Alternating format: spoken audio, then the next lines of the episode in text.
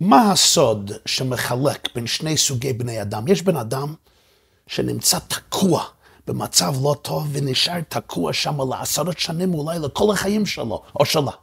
ויש בן אדם אחר שבאיזשהו אופן מסוגל לשחרר את עצמו מהמצב הבלתי רצוי הזה. מה הסוד שמחלק בין שני סוגי בני אדם האלה? יש רעיון עצום מאוד בהתחלת פרשת ועירה. בסוף פרשת שמות, משה רבנו מתרגש מאוד וצועק אל אלוקים, למה הרי אותה לעם הזה? למה זה שלחתני? מאז באתי אל פרעה לדבר בשמך, הצל לא הצלת את עמך. העירה למה זה, המצב נעשה גרוע יותר בגלות מצרים. ובהתחלת פרשת ואלה, ספר שמות פרק ו', הקדוש ברוך אומר למשה רבינו, לכן אמור לבני ישראל, אני השם, והוצאתי אתכם מתחת סבלות מצרים. וחוזר על אותו ביטוי בפסוק לאחרי זה, וידעתם כי אני השם אלוקיכם המוציא אתכם מתחת סבלות מצרים. מה הפירוש? סבלות מצרים. אני אוציא אתכם מתחת סבלות מצרים. בדרך כלל מתרגמים את המילה שזה כמו נטל. באנגלית אומרים סבלות מצרים, the burdens, הנטל, הסבל, הדיכוי, העומס, המעמס הפיזי והרגשי של מצרים. סבלות מצרים, the burdens of Egypt. העומס הנורא, הדיכ... הדיכוי הנורא של מצרים, אני אוציא אתכם, אני אשחרר אתכם מתחת הסבל הזה. אבל בעל חידושי הרים העניק תובנה מעמיקה יותר למילה הזו, והוצאתי אתכם מתחת סבלות מצרים. סבלות, הוא אומר, זה מלשון סבלנות. אתה עומד בתור בבנק, ומישהו מתחיל לצעוק, אני לא יכול להמתין. מישהו אחר אומר לו, בבקשה, קצת סבלנות. באנגלית אומרים patience, סבלנות. מה זה סבלנות? זה בעצם אותו דבר כמו שאמרנו לעיל על סבלות. סבלנות זה סוג של לסבול. תסבול קצת, כן? זאת אומרת, הבן אדם הזה יש לו כוח לסבול. סבלנות זה בעצם יש תור ארוך, יש מצב דחוס, יש מצב בעייתי, שתהיה סבלנות בפקקים, בל הכבישים, שתהיה לך סבלנות, יכולת לקבל אתגר. אם כן, יש כאן מסר רב עוצמה. לכן אמור לבני ישראל, אני השם, והוצאתי אתכם מתחת סבלות מצרים, פירוש, אני אשחרר אתכם מהסבלנות, מזה שאתם מסוגלים לסבול את מצרים. מזה אני אוציא אתכם. שכבר לא תהיה לכם סבלנות. פירוש, השלב הראשון של גאולה היא שתפסיקו לסבול את הגלות. שכבר לא יהיה מצב של סבלות מצרים, שהסבלנות תתפוצץ לכם בפנים, שתאבדו את הרצון, את, ה, את הנכונות, the readiness, לסבול את מצרים. כל זמן שסובלים את הגלות, אי אפשר שהגאולה תתפתח ותבוא. אז השם מבטיח למשה, אני אשחרר אתכם מהרצון לסבול את מצרים. אני אמאס בעיניכם את, התג... את הגלוס, שלא תוכלו עוד לסבול אותה. אז, כשממאסים את הגלות, מתחילה הגאולה. מהו רגע היצירה של הגאולה? אם זו גאולה פיזית, גאולה רגשית, גאולה נפשית, רוחנית, אינדיבידואלית, קולקטיבית? רגע היצירה של הגאולה. אומר הקדוש ברוך הוא למשה רבנו, כשאתה כבר לא יכול לסבול את מצרים, כשזה נעשה מגעיל, מוקצה מחמסימיס, מאוס בעיניך, כל זמן שאני עושה שלום עם התעללות, כל זמן שאני עושה שלום, אני משלים עם חוסר התפקוד שלי, עם הטראומה שמחריבה לי את החיים הפנימיים, עם הזוגתיות הבעייתית, עם מצב של אי שוויון וחוסר צדק. כל זמן שאני יכול להשלים ולסבול עם זוועה שאני רואה בעיניי או שאני שומע באזניי, המצב יימשך. אני משלים עם זה. יש לי סבלנות. זה בסדר, נמתין עוד חודש, נמתין עוד שנה, נמתין עוד מאה שנים, יהיה טוב. אומר אלוקים, והוצאתי אתכם מתחת סבלות מצרים. מצרים פירש בלתניא. מצרים זה לא רק מדינה באפריקה, מצרים הוא מלשון מיצרים וגבולים. restrictions, boundaries. כל זמן שאני יכול לסבול את המיצרים שלי, את האזיקים, את השלשלאות, את הכבלים, את המגבלות, בדרך כלל אני אשאר תקוע שם. זה נעשה כבר חלק מההרגש שלי, אפילו אם זה סבל, אפילו אם זה כואב. אבל רק כשנמאס לי מהמצב, נמאס לי. שאלתי מישהו, אחד שאני מכיר, הוא עבר התפתחויות גדולות, מבורכות מאוד בחייו. שאלתי אותו, מה היה הדחף שלך לעשות שינויים כל כך דרסטיים מן הקצה לקצה? הוא אומר לי באנגלית, I was sick and tired of being sick and tired.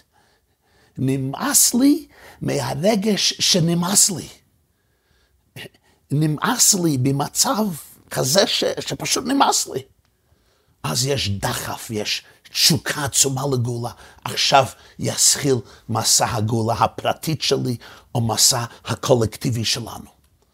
אז תחילתה של גאולת מצרים יכולה להתרחש רק כאשר העבדים העיוורים כבר סירבו לסבול את הזוועות שעברו. אם לא נמאס לי, או לנו, להיות חלש, להיות קורבן, להיות קורבן של התמכרות, של פחד, של התעללות. מסע הגאולה לא יכול להתחיל. ונבין, זה לא קל. הקדוש ברוך הוא אומר, אני השם והוצאתי אתכם מתחת צבאות מצרים.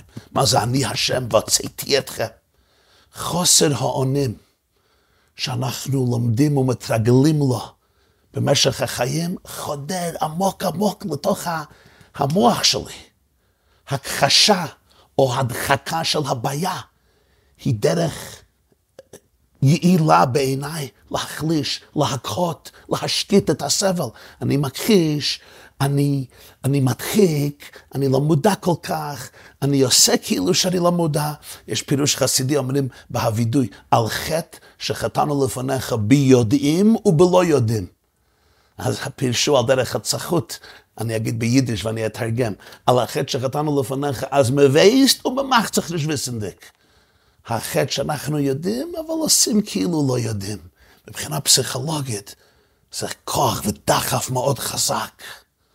כדי שאני אשרוד, אני מכחיש, אני קובר את העניין בתת מודעות, אבל אין ברירה אחרת. הדרך לצאת מכאב הוא באמצעות הכאב, הגם שזה כואב. אני חייב להיות מסוגל להרגיש את כאב הניכור שלי לעצמי, כדי להיות מסוגל להתחיל את המסע לעבר השחרור, להרחיב את האופקים ולראות את השמיים ולהתחיל את הגאולה. וזה בעצם המשך ישיר לשיעור השבועי של שבוע שעבר, פרשת שמות. ציטטנו והרחבנו על הביור של רבנו אברהם אבן עזרא, למה המנהיג היהודי הראשון בהיסטוריה, משה רבנו, לא זכה לגדול אצל יהודים. לא קיבל שום חינוך יהודי, לא בתרבות יהודית. אדרבה, הוא גדל בארמונו של פארו, אנטישמי, מהאנטישמים הכי גדולים בהיסטוריה. כי הטרגדיה של עבד היא שזה נעשה הסטטוס קוו שלו, והוא מקבל את זה כמובן מאליו. אני נולדתי עבד, אני אמור להיות עבד לכל החיים שלי. משה היה צריך להרגיש בכל נימי נפשו שמצב כזה, שמאות אלפי ומיליוני אנשים, נשים וטף, הם עבדים ומשובדים בעבודת פרח לפרעה למלך מצרים, זה מצב בלתי נסבל. פה בארצות הברית, להבדיל יכולתו של הנשיא, ה president, אברהם לינקן, במאה ה-19, לא לסבול את האי שוויון וההתנהגות הסדיסטית כלפי השחורים, כלפי העבדים השחורים בארצות הברית, היא ששינתה את אמריקה. לא לפני שהיה מלחמת אזרחים, civil war, ענקית וטרגית מאוד. אבל ההצעקה הפנימית שלו, שזה לא fear, משהו לא טוב פה, אי אפשר לסבול מצב כזה. זה התחיל לשנות את כל המצב. לפני כמה עשרות שנים, כוחו של דוקטור מרטין לותר קינג ג'וניור, שלא לאמץ את הסטטוס קוו, היא שהפכה אותו למנהיג דגול ומנהיג גדול, שהעניק השראה לעידן חדש של חופש בארצות הברית. האם אנחנו יכולים להפסיק לסבול שאומרים לנו כל הזמן מה לחשוב ולתייג אנשים בדרכים קיצוניות רק בגלל שהם לא מתאימים להנחות או לפרדיגמות הצרות שיצרנו כדי להגדיר מוסר וצדק? העבדות הזו זה לא רק פיזית ופסיכולוגית, זה גם מוסרית ורוחנית ואינטלקטואלית. אני ככה נעשה רובוט ומחקה את כולם, שמחקים את כולם, שמחקים את כולם, ואני אפילו לא מסוגל לחשוב בעצמי ולמרוד נגד המוסכמות שיכול להיות פשוט שטיפת מוח. איך אנחנו מגיעים למצב הזה, והוצאתי אתכם מתחת סבלות מצרים, אומר הקדוש ברוך הוא, אני השם. וידעתם כי אני השם אלוקיכם ומוציא אתכם מתחת סבלות מצרים. זה מגיע על ידי אמונה חזקה. מי זה באמת האדם? אחד מהיסודות, אחד מעמודי הטווח, הבסיס של היהדות, היא שכל אחד ואחת מאיתנו מוגדר באמת על ידי הנשמה הפנימית שלנו. המודעות וההוויה העמוקה שלנו, שהיא חלק אלוקה ממעל ממש. הנשמה המרוממת והאצילית והנשגבת והאלוקית היא טהרה והיא גם חופשית לחלוטין. היא לא חלק מהעולם המוגבל הזה ולא יכולה בעצמיותה להיפגע ולהפך לבעלמום כתוצאה משום חוויה שקורה לה בעולמנו. אבל כמו אדם חופשי שמכניסים אותו לכלא, הנשמה כן יכולה להידחק ולהישאר בגלות ולא להתבטאות. אבל בגלל הכוח הטרצדדנטי הזה של נפש האדם, בגלל הכוח המרמון הזה של נשמת האדם, כשאתה מכניס בן אדם, כשאתה מכניס יהודי או אומה לתוך בועה, לתוך קופסה, לתוך אזיקים, לתוך בור, הם כמו כדור מלא באוויר, המוחזק בכוח מתחת למים. השתדלתם פעם לעשות את זה? תשתדלו. תיקחו כדור מלא אוויר ותחזיקו את זה בכוח מתחת למים. כל הזמן הוא משתוקק ושואף לעלות על פני השטח, ובסופו של דבר הוא יעשה את זה. למה? כי לאחוז הכדור הזה בכוח זה מנוגד לטבעו. האדם לא נועד להיות מדוכא.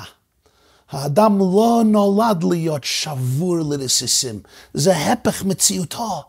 התלמוד במסכת ברכות מתאר את הזוועה של בנים שגלו מעל שולחן אביהם והאבא בוכה, איפה הבנים שלי? נסיך לא אמור לאכול מהאשפה, מהזבל. נסיך אמור לשב על שולחן אביו ביחד עם אבא ואימא ולאכול יחד. אז הקדוש ברוך הוא אומר למשה רבנו, אני השם, וידעתם כי אני השם. והשם פירוש זה העומק האלוקי שנמצא לא רק בשמיים, אלא בתוך כל אחד ואחד. ולכן העם הזה לא נועד להיות עבדים. בגלל נשמתם הטהרה, יש בהם נקודה שאף פעם לא מושפעת ולא מעוצבת על ידי הגלות, אפילו עם הנשמה הזו בהלם. ולכן כלל ישראל יחל סוף סוף לאבד את הסבלנות שלו, הסבלנות שלו. להשתוקק לצאת מתחת למים ולשאוף אוויר. זה הדסטיני, זה היעד, כי זה עצם המציאות שלך. המציאות של עבדות, המציאות של גלות, המציאות של דיכוי, המציאות של התעללות, זה דבר ריאלי, אבל זה דבר, דבר מנוכר למי שהנשמה היא, ולכן ככל שאנחנו פתוחים יותר למציאות הפנימית שלנו, מתגלית יותר ויותר, שאני נמאס בכל השטיקים האלה, בכל השקר הזה. נמאס לי לשקר, נמאס לי להיות מנוכר לעצמי, נמאס לי להיות מנוכר מילדיי, נמאס לי להיות מנוכר מעצמיותי הפנימית, נמאס לי. זהו, גמרתי עם זה. כי הנשמה אף פעם לא הסכימה לכך, רק היא הייתה מודחקת. ואנחנו צריכים להבין איך שזה מתפתח בחיי בני אדם. ולדאבוננו אנחנו רואים את זה בכל יום. מי שאולי מתחילת חייו, הנסיבות של החיים שלו, למדו אותו או אותה לחיות בפחד. זה הסטטוס קוו. אני חי בפחד. אז הבן אדם הזה הופך בסופו של דבר לבן אדם שיוצר את המצב הזה שוב ושוב ושוב. זה הדרך שלי לשרוד. אנחנו יוצרים תבנית איך לשרוד, איך להתקיים בעולמנו, מה אני צריך לעשות ולא לעשות, מתי אני צריך לשתוק ולא לשתוק, כדי לקבל מה שאני צריך לשרוד. אולי בימי הילדות זו הייתה הדרך לשרוד, ועכשיו אני עושה את זה. אני כבר לא יודע שאני שורד. זה המצב, זה הסטטוס קוו, זה הדבר הרגיל שאני יודע. ואם אני לא לומד לשמוע, להקשיב לקול הפנימי שלי, אני יכול חלילה להישאר תקוע שם. קראתי פעם, לא עשיתי את המחקר במד"א, אבל קראתי פעם, משהו מאוד, אה, וואו, משהו מאוד חזק וגם מאוד כואב.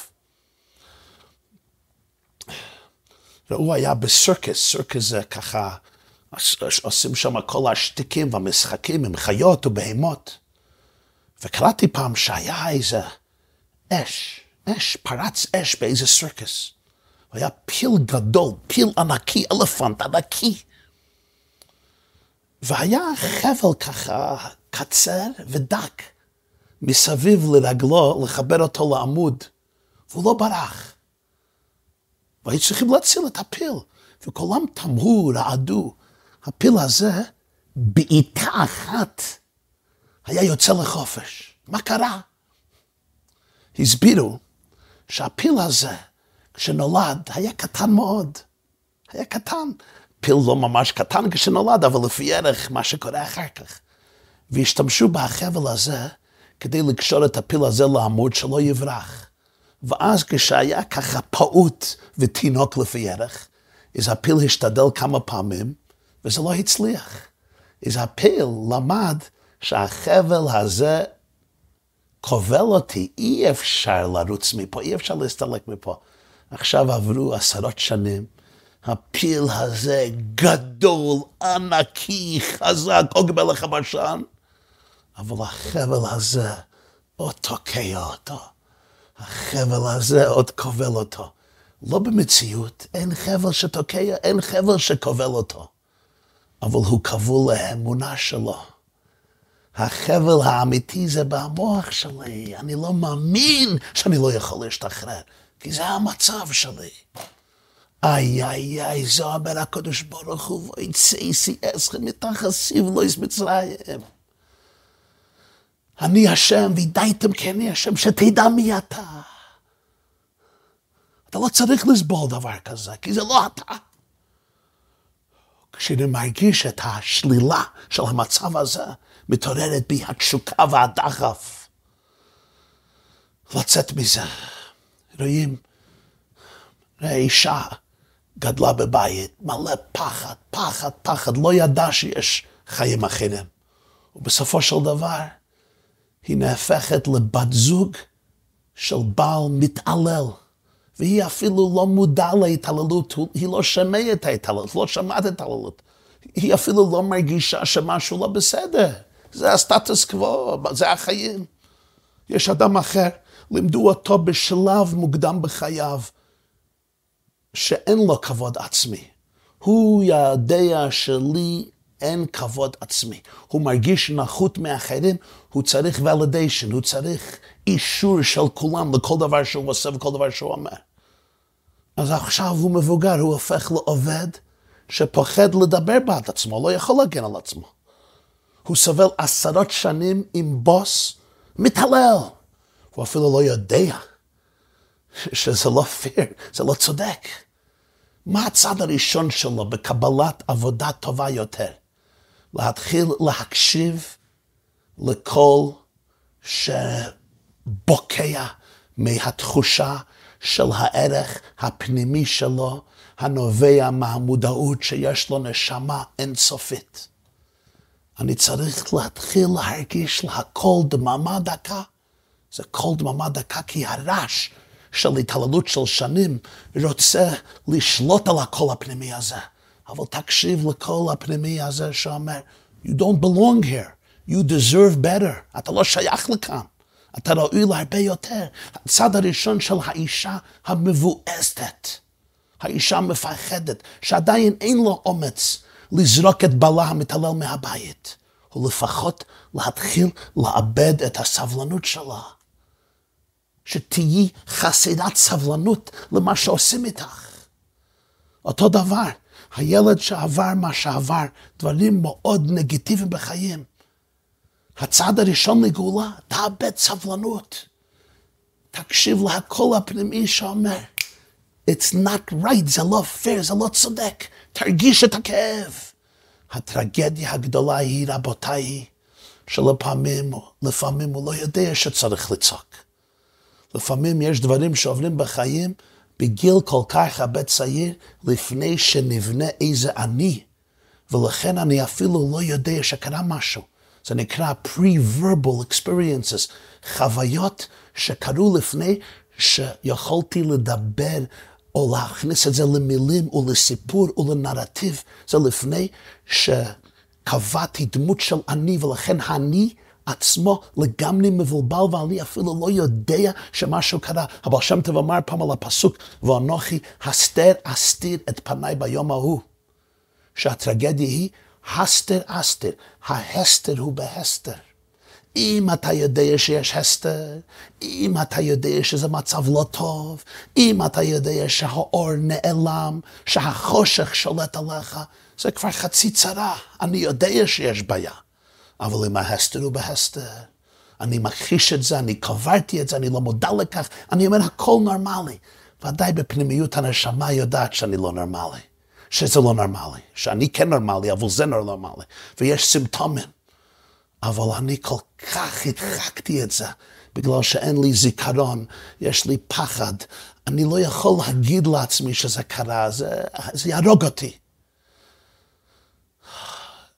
אז צריכים את הכוח הגדול הזה, תסתכל על הסימפטומים, ושתהיה לך, שיהיה לך אומץ להגיד, אני לא יכול ואני לא צריך לסבול את זה. אני חלק אלוהיקה ממעל. אותו דבר רואים לפעמים שחיתות בקהילה, בחברה, שנאה, מלחמה, טרור. תאבדו סבלנות, זה הצד הראשון לגאולה. תפסיקו לשתוק, תפסיקו לחייך ולהגיד הכל בסדר. ויצאתי אתכם בתחת סבלות מצרים. מספיק עם הסבלנות. תגיד, דלוי גלות מספיק. אז בסיכום הצד הראשון בכל גאולה אישית או לאומית זה להקשיב לנשמה שלך, נשמה הטהרה, ולהחליט שזה פשוט מתחת לכבודך או לכבודך. לאפשר לעצמך או לעצמך להיות כל כך מוגבל על ידי הפחדים שלך. וזה הסוד. כשמישהו מרגיש את הנשמה החופשית, אי אפשר למאוס בגלות אם אני לא מבין מה זה גאולה. אם לא, אין לי מושג מה זה גאולה, איך אני יכול לשנוא את הגלות? הגלות אולי גם גאולה, זה הטרגדיה. הגלות נעשית גאולה.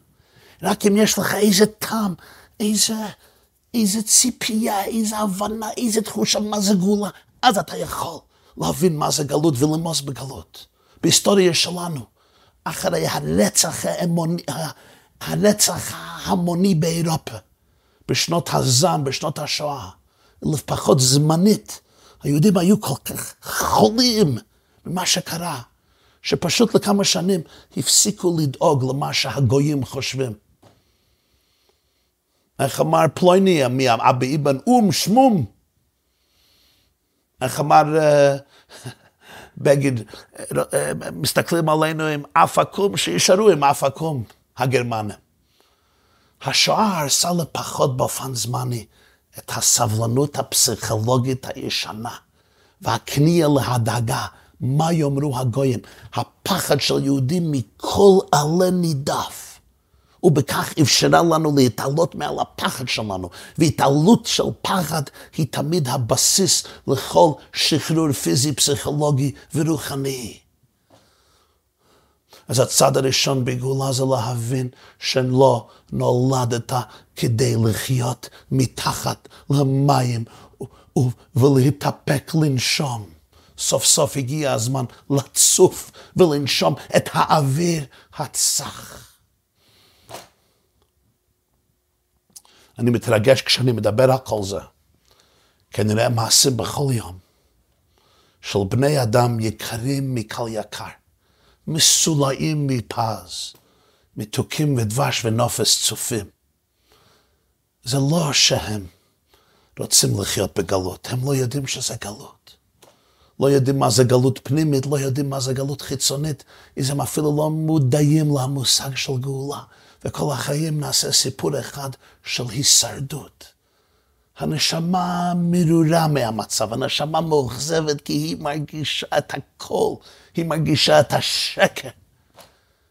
ובפרשיות אלו של גאולת גלות וגאולת מצרים, אני צריך להגיד, הגיע הזמן לצוף, תנשום את האוויר הצח, זה עולם שלך, הקדוש ברוך הוא רוצה. שתחיה בהצלחה, בשמחה, במנחת הנפש, במנחת הגוף. וכמו שזה היה נכון בגלות מצרים, זה נכון גם להיום. אנחנו נמצאים בגלות קרוב לאלפיים שנה. הסכנה הכי גדולה היא כשאנחנו מתרגלים למצב של גלות. מתחילים לסבול את זה. זה נתפס כמו דבר נורמלי. שרדנו אלפיים שנה, שיישאר ככה. תחילת הגאולה היא במודעות שהגלות זה לא מצב טבעי, זה לא מצב נורמלי. בן שגלה, שנזרק מעל שולחן אביו, זה טרגדיה.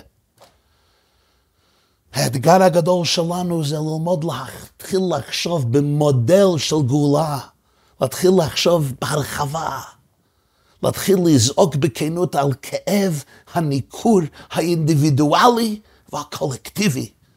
ואז מתחיל מסע הגאולה בקרוב במהרה בימינו, אמן ואמן.